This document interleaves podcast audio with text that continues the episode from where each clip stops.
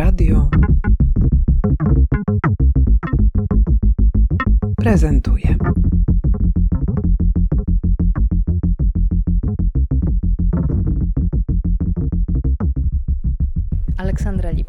Artystka, kuratorka. E, Michalina Sablik, kuratorka, pracowniczka galerii promocyjnej. Nasz duet nazywa się Dzidy. Powstał chyba dwa albo trzy lata temu, w 2018 roku, e, kiedy zaczęłyśmy razem robić pop-upowe wystawy w różnych miejscach w Warszawie, ale też mieliśmy jedną e, wystawę w Krakowie. Zawsze to były takie wystawy weekendowe, gdzie zapraszaliśmy grupę artystów. I stąd jakby powstał pomysł, żeby w jakiś sposób sformalizować nasz związek i nazwałyśmy się Dzidami. I też bardzo ważna jest zawsze dla nas praca w określonym miejscu e, i korzystamy z tych przestrzeni, także bardzo się cieszymy, że e, tym razem mamy do czynienia z taką niesamowitą przestrzenią, jaka jest, jaka jest w tym miejscu. Ta przestrzeń była dla nas bardzo ważna i była takim punktem wyjścia do tej wystawy, ponieważ ona jest taką historyczną imitacją starej przestrzeni i dla nas ta historia, mity, legendy i pewne mieszanie się te, tych takich porządków przeszłych i przyszłych e, były bardzo ważne w wystawie e, Czysty Kryształ. Natomiast e, też ważnym punktem odniesienia była historia Atlantydy i może o tym trochę Ola opowie. Tak, bo to jest, jest niesamowita historia, którą znamy jeszcze od Platona właściwie, ale też te późniejsze losy tego mitu są bardzo ciekawe, ponieważ interesowali się nim zarówno naziści, którzy swoich korzeni upatrywali z Atlantydy, e, ale też przeróżni poszukiwacze zaginionych miejsc, zaginionych skarbów się interesowali tym miejscem. Pojawiała się wizja związana z Atlantydą, pojawiały się u różnych jasnowidzów e, i e, głównym takim, główne przekazy pochodzą od Edgara Casey'ego, gdzie właśnie pojawia się też strażniczka kryształu i bardzo dużo informacji odnośnie tej energii kryształowej. I to też nas bardzo zaciekawiło i stąd też nazwa, bo te y, kryształowe legendy pojawiały się też na, obecnie pojawiają się na forach internetowych i one mają ochronić naszą cywilizację przed katastrofą. Praca Maćka Nowackiego posłużyła nam jako e, też e, plakat do naszej wystawy, a właściwie fragment tej pracy. E, w Maćka obrazach pojawia się masa antycznych odniesień i to też było dla nas bardzo ważne, żeby oddać trochę ten klimat antyku, Atlantydy, starożytnej Grecji, ale Maciek to świetnie łączy z nowymi technologiami i z takimi odniesieniami do internetu i do współczesności, dlatego na tym obrazie pojawia się też telefon z męskim torsem. Tak, i też ważne jest odniesienie do, e, do stylistyki manierystycznej. E, w jego pracach. I ten okres manieryzmu też był takim okresem niepokoju, niepokojów społecznych, co miało odzwierciedlenie e, właśnie w, w stylistyce tych, tych prac manierystycznych, ale też współcześnie wydaje mi się, że, że żyjemy w takim okresie właśnie pełnym różnych niepokojów i kryzysów. Dlatego jakby korzystanie z tej stylistyki jest jak najbardziej akuratne. Prace Gosi Wiłuńskiej to jest ogromny cykl, który powstał na przełomie 2017 i 2018 roku. My pokazujemy tylko fragment tego cyklu. Gosia zbierała 62 historie, newsy z różnych tabloidów, z, z mainstreamowych, anglojęzycznych magazynów, ale też po prostu gazet. I ona inspirowała się Księgą Tysiąca Jednej Nocy i szukała odniesień jakby tych newsów, łączyła je z historiami Księgi Tysiąca Jednej Nocy, upatrując tam jakby, że to jest taka archetypiczna księga, która jakby zbiera wszystkie historie przeszłe i przyszłe, te, które mogą się jeszcze wydarzyć. I on też interesował w ogóle taki aspekt orientalizacji współczesnej, która pojawia się w newsach, ale też orientalizacji samej Księgi Tysiąca Jednej Nocy, bo ona odkryła, że, e, że tłumacze tłumacze, brytyjscy i francuscy, kiedy tłumaczyli z arabskiego, e, to bardzo dużo już sobie dopowiadali i bardziej orientalizowali tą historię i tak naprawdę większość rzeczy, które kojarzymy, czyli te najbardziej takie kojarzące nam się historie, one zostały dopisane przez francuskich e, i brytyjskich tłumaczy i Gosia też zastanawia się, w jaki sposób my orientalizujemy różne newsy i różne historie z, też takie po prostu z różnych krajów świata i ze wschodu, też z Bliskiego Wschodu, bo wiele tych newsów pochodzi właśnie stamtąd. I też tworzy je w takiej ciekawej ciekawej estetyce, która wygląda jak trochę stare wykopaliska czy coś znalezionego na, na targowisku. Ta materialność e, tych obiektów jest bardzo ciekawa, ponieważ Gosia też sięga do techniki z grafita i są bardzo z taką dużą czułością i uwagą e, e, stworzone. Używa też gipsu, więc one wyglądają trochę jak zanurzone w czymś, jak wyciągnięte z jakiegoś właśnie skarbca z dziwnymi przedmiotami, co też jest ciekawe, bo same w sobie te przedmioty nie są jakieś bardzo cenne, są właściwie trochę takimi odpadami, bo znajduje się tu flet plastikowy, który jest zanurzony w tej białej masie, znajduje się plastikowy pistolet, który też wygląda jak znalezisko. I to też było dla nas istotne, żeby te prace miały taki charakter wykopaliskowy, żeby miały w sobie coś z takiego obcowania z jakimiś dawnymi artefaktami. I to pojawia się w większości tych prac. I też ta praca ma jeszcze, dodałabym, e, taki aspekt tekstualny, ponieważ będzie można posłuchać opowieści, które Gosia napisała językiem księgi, przepisywała newsy współczesne i będzie można po prostu posłuchać tych historii, które odnoszą się do tych obiektów i do tych newsów, więc to jest taka bardzo złożona praca, ale myślę, że niezwykle ciekawa. 15 grudnia 2017 roku. Opowieść o wiarołomnym i kamieniu. Mój bracie szczęśliwy. W mieście Warszawa żył niegdyś człowiek istotnie nieszlachetny. Jako, że w mieście tym znajdowało się niezwykle okazałe miejsce, zwane ośrodkiem kultury muzułmańskiej, budziło ono zachwyt tłumów. Byli lecz również tacy, w których miejsce to budziło pogardę.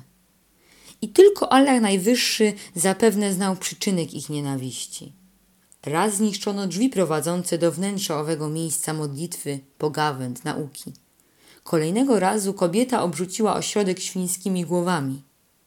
A ów niegodziwy człowiek, o którym pragnę ci opowiedzieć, pewnego dnia przechadzając się ulicami Warszawy, zobaczył grupę muzułmanów spieszących się do swych domów po usłuchaniu nauk znakomitego mędrca.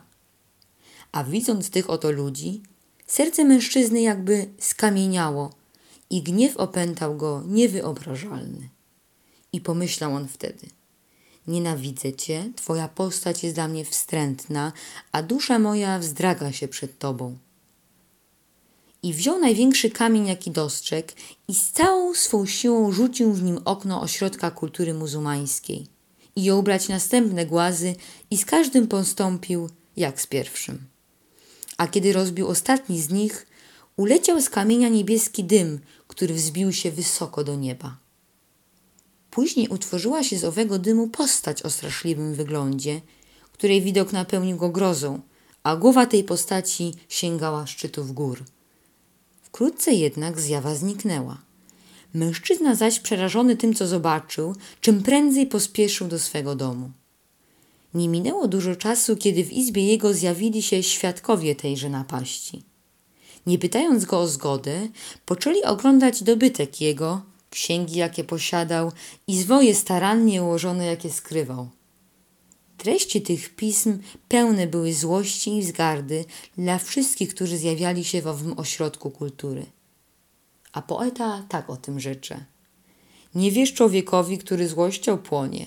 Nie myśl, że złość jego jak przyszła, tak mija. Bo choć mija gładka, gdy się dotkniesz do niej, przecie jad śmiertelny kryje w sobie. A wszyscy, którzy ów napad i nienawistne zwoje widzieli, postanowili wtrącić go do lochów pobliskiego więzienia. Pierwsza noc w tychże lochach była dla wiarołomnego mężczyzny przeklęta, bowiem to straszliwa postać z niebieskiego dymu, jaka uleciała z rozbitego głazu, ponownie go odwiedziła i była to Marida spośród dżinów. I zaprawdę tylko Allah wie, cóż ów szejtanica z owym człowiekiem poczęła. I to też jest jej mały fragment, bo cały cykl jest, tak jak wspomniałaś, ogromny, więc mamy tutaj do czynienia z małym wycinkiem, ale takim znaczącym. To jest moja praca, zainspirowana Atlantydą i wojskami Atlantydy, ponieważ e, armia słynęła z niezwykłej sprawności, była postrachem e, podobno ówczesnych innych grup i plemion, ale kontekst jest bardzo współczesny, ponieważ mnie zainteresowała taka, takie badania nad tym, jak wyłączyć lęk i strach u żołnierzy. I to są takie hełmy dehumanizujące przeciwnika, ponieważ też zainteresowało mnie, jakie są te strategie wojenne i wojskowe i jak sprawić, że w e, człowieku bardzo bliskim, takim samym jak my, można dostrzec wroga. Stwierdziłam, że właśnie hełm będzie taką dobrą formą, ponieważ w tych pracach wszystkich tutaj na wystawie pojawiały się też takie odniesienia trochę do science fiction, do fantazy i w moich pracach chyba najsilniej. I właśnie ten hełm z jednej strony mający bronić, ale też z drugiej strony odstraszać przeciwnika. I te formy hełmów były zawsze bardzo fantazyjne.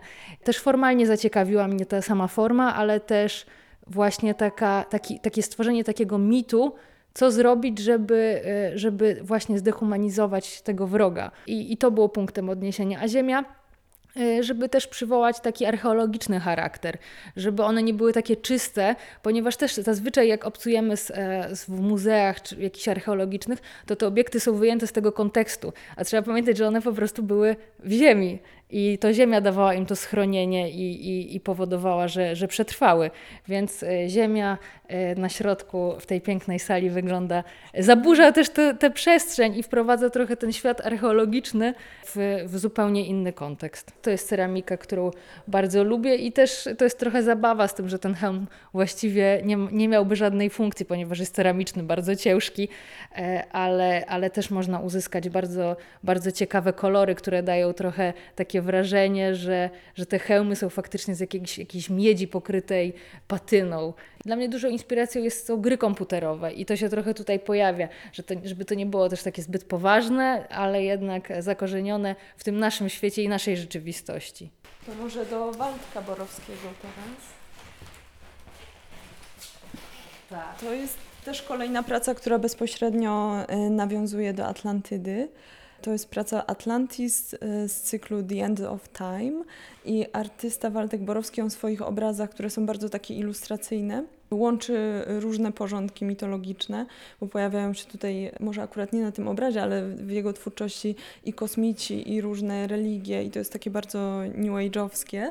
Tutaj mamy yin-yang, mamy jakąś y, rzeźbę, która wygląda trochę jak z Wysp Galapagos, miasto, które wyłania się spod fal. Jest to takie bezpośrednie odniesienie się do tematu, e, do tematu Atlantydy, ale też e, w jakiś sposób e, połączony z różnymi popowymi skojarzeniami i mhm. takimi tekstami kultury, z których on korzysta.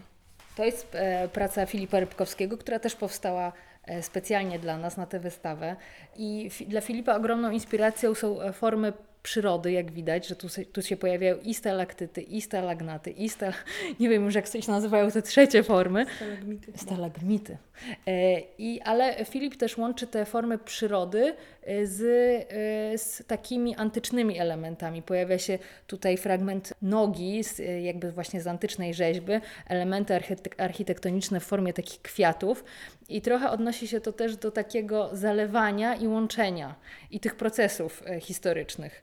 Także i umieściłyśmy tę pracę w wykuszu, co też zmienia trochę jej kontekst że, że to tutaj e, pewnie tak e, oczyma wyobraźni można było prędzej zobaczyć taką poważną rzeźbę, a tu forma przyrody w, tak, w, w takiej w nie, nieoczekiwanej sytuacji. Takiego też interesują takie wątki archeologiczne i re rekonstrukcji, imitacji różnych historycznych form, e, więc to też wygląda jak jakiś element wyciągnięty z jaskini, gdzie po prostu wcześniej były jakieś rzeźby, które zarosły z stalaktytami, e, więc on się tak bawi też imitacją po prostu e, historycznych obiektów. To jest taka specyficzna technika, którą używa Kaja Redkie y, i to jest y, papier marmurkowy, który ona wycina i potem przykleja na płótno i tworzy takie kompozycje, kolaże i to jest trochę abstrakcyjna praca, ale też odnosi się do historycznych zdarzeń, ponieważ odnosi się do Pawiego Tronu. E, który podobno miał jeden z największych kamieni szlachetnych na świecie, o których bili, biło się bardzo wielu e, władców Azji. Ostatecznie on chyba trafił do korony angiel, angielskiej królowej, co jakby też pokazuje pewne kolonialne, kolonialną historię, ale dla Kai właśnie najważniejsza jest ta struktura kryształów, które, którymi ona i, i kamieni szlachetnych, którymi ona się interesuje, ale właśnie też symbolika i różne historyczne wątki z tym związane.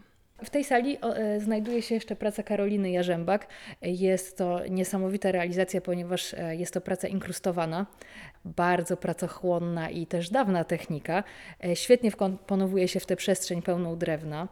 Inspiracją dla Karoliny są historie znalezione w internecie, memy, pasty i też, też to się pojawia w tej, w tej pracy. Karolina stworzyła taką wielką kompozycję, która wygląda trochę jak kompozycja historyczna. Jest tam mnóstwo bohaterów z różnych memów. Ona ich szuka na e, prawicowych, alt-rightowych forach, więc grzebie w tym. Natomiast na drugiej stronie tej, tej kompozycji znajduje się copypasta Kiedyś to było, bardzo znana, która opowiada o jakimś takim złotym wieku, kiedy, który minął, kiedy nie było żadnej poprawności politycznej, można było bić dzieci, nazywać e, psa murzynem. Ta jej praca ma taki mocny wydźwięk też polityczny w jakiś sposób, cytując te, te takie trochę faszystowskie treści w internecie ten sentymentalizm nas bardzo interesuje. On też się tutaj pojawia, taka tęsknota za bliżej nieokreśloną przeszłością. I też takie formalne zabiegi, że właśnie w tej drewnianej przestrzeni pojawia się intarsja, tak samo e, praca e, Kai Redkie. Te elementy wyglądają trochę jak z tej przestrzeni, ale jednak jest jakiś taki element dziwaczności ich bycia tutaj. Praca e, duetu Inside Job to jest Ula Lucińska i Michał Knychał z Poznania i oni stworzyli dla nas taki żyrandol, który jest troszeczkę takim obiektem, nie wiem jak to powiedzieć, z przeszłości, trochę z Właśnie takiego nie wiadomo skąd on jest. On może być i z przyszłości, i z przyszłości, jak większość prac na tej wystawie. A praca znajduje się w sali kominkowej. E, jest to pierwsza rzecz, którą można zobaczyć przychodząc na naszą wystawę. I świetnie, świetnie się tutaj komponuje. E, zamontowana jest na suficie e, z kasetonami. I, I właśnie oni odwołują się trochę do takiego klimatu nawiedzonego domu, tego jak przedmioty żyją i funkcjonują, kiedy przestają być potrzebne człowiekowi, kiedy się je oddzieli od człowieka. I... Ale też kiedy już człowieka nie będzie, bo to już jest taki, oni sobie wyobrażają życie tych przedmiotów w takiej erze postludzkiej, gdzie one nadal będą straszyć. I też dla nich ważne jest to, że e, e, jak próbujemy myśleć i konstruować przyszłość, to cały czas jak taki upiór wracają do nas pewne schematy z przeszłości i nie jesteśmy w stanie sobie wyobrażać tej przyszłości inaczej niż właśnie poprzez to, co już znamy. E, więc to jest chyba takie istotne. Tak, tutaj e, znajdujemy się w wyciemnionej sali, gdzie na środku e, jest praca Tomka Mroza. Jest to, praca, jest to rzeźba, która jest ruchoma. Tutaj będzie słychać taki dźwięk.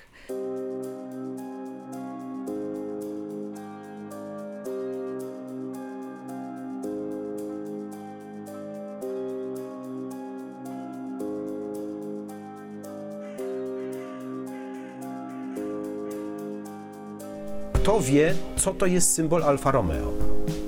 Czy ludzie w ogóle wiedzą, że to jest wąż zjadający człowieka? Mało kto. Że rozpostarty człowiek w paszczy węża. Czy ktoś wie, że w niektórych kościołach są takie malowidła? Alfy Romeo, sprzed kilkuset lat. Ciekawa sprawa, nie? Być może część ludzi wie, że Sforcowie mieli to w swoim herbie, nie? Być może. Ale jak to skojarzy z taką konotacją, polski rząd jeździł Alfami Romeo, nie? I następna teoria spiskowa, nie? Prawdziwa, nieprawdziwa? Czemu nie jeździli Warszawami albo czym, czymkolwiek innym? Był Alfa Romeo. Co mieli? Umowę podpisaną? A jeżeli tak, to dlaczego? Czemu Alfa Romeo? Czemu rząd miał w symbolu węża zjadającego człowieka? I czemu to się pojawia w kościołach, nie? Wiesz, to są takie poszlaki, nie? Ale jeżeli to, co ojciec powiedział, jest prawdą, że mamy do czynienia ze zmiennokształtnymi i z tym, co powiedział Kredomutwa,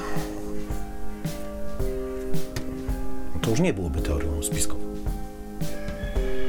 E, to jest e, dźwięk e, z historii pewnego wyznania człowieka, który uważał, że rozmawiał z ojcem Pio przez, przez ciało pewnej kobiety, więc jest to już taka zupełna teoria spiskowa, y, znaleziona w internecie. Mnóstwo jest takich wyznań i tam łączą się bardzo różne motywy takie magiczne. On próbuje y, wytłumaczyć y, różne zagadki wszechświata w ten sposób, ponieważ ojciec Pio mu bardzo wiele historii wytłumaczył, jak, jak to się często dzieje w tych takich współczesnych mitach. Wszystko ze wszystkim się łączy i nagle okazuje się, że nic nie jest przypadkiem, tylko jest to jakaś jakaś spójna całość mityczna, e, ale też ten obiekt jest ciekawy, ponieważ jest on ruchomy i jest to taki kosmiczny robal, który, który po prostu kopuluje z głośnikiem, kiedy widzi wchodzącego widza.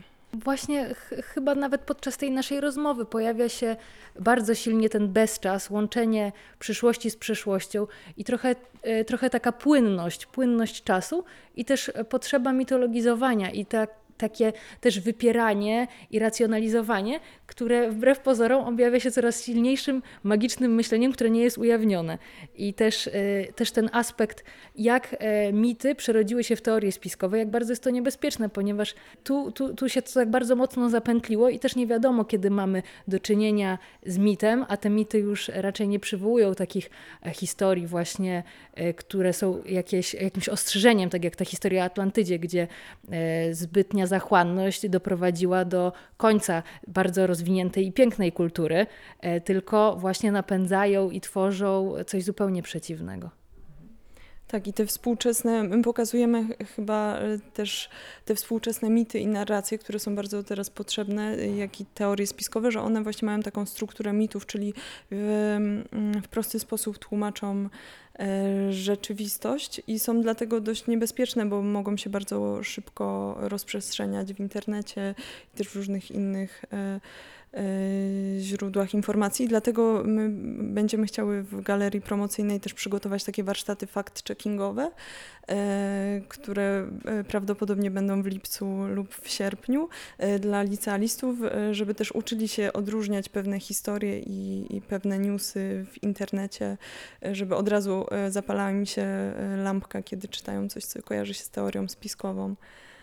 Właśnie też wydawało nam się podczas naszych rozmów, że trochę brakuje takich pozytywnych narracji i też takiego e, fantazjowania, które mogłoby doprowadzić do czegoś pozytywnego, bo jednak coraz więcej mamy tych wizji negatywnych, które oczywiście są potrzebne, ale co, jak będzie wyglądać ten świat, kiedy uda nam się e, przetrwać? I może właśnie poszukiwanie takich pozytywnych narracji też jest nam potrzebne, żebyśmy mogli jakoś funkcjonować. Mm, A ten czysty kryształ jest bardzo, bardzo piękną e, metaforą, ponieważ z jednej strony był e, siłą, a z drugiej strony doprowadził do, do upadku. E, Więc może tego sobie trzeba życzyć na koniec tej rozmowy. Dobra, ale kiedy można oglądać wystawę? Do 28 sierpnia zapraszamy do galerii promocyjnej. Super, bardzo Wam dziękuję. Dziękujemy. Dziękujemy.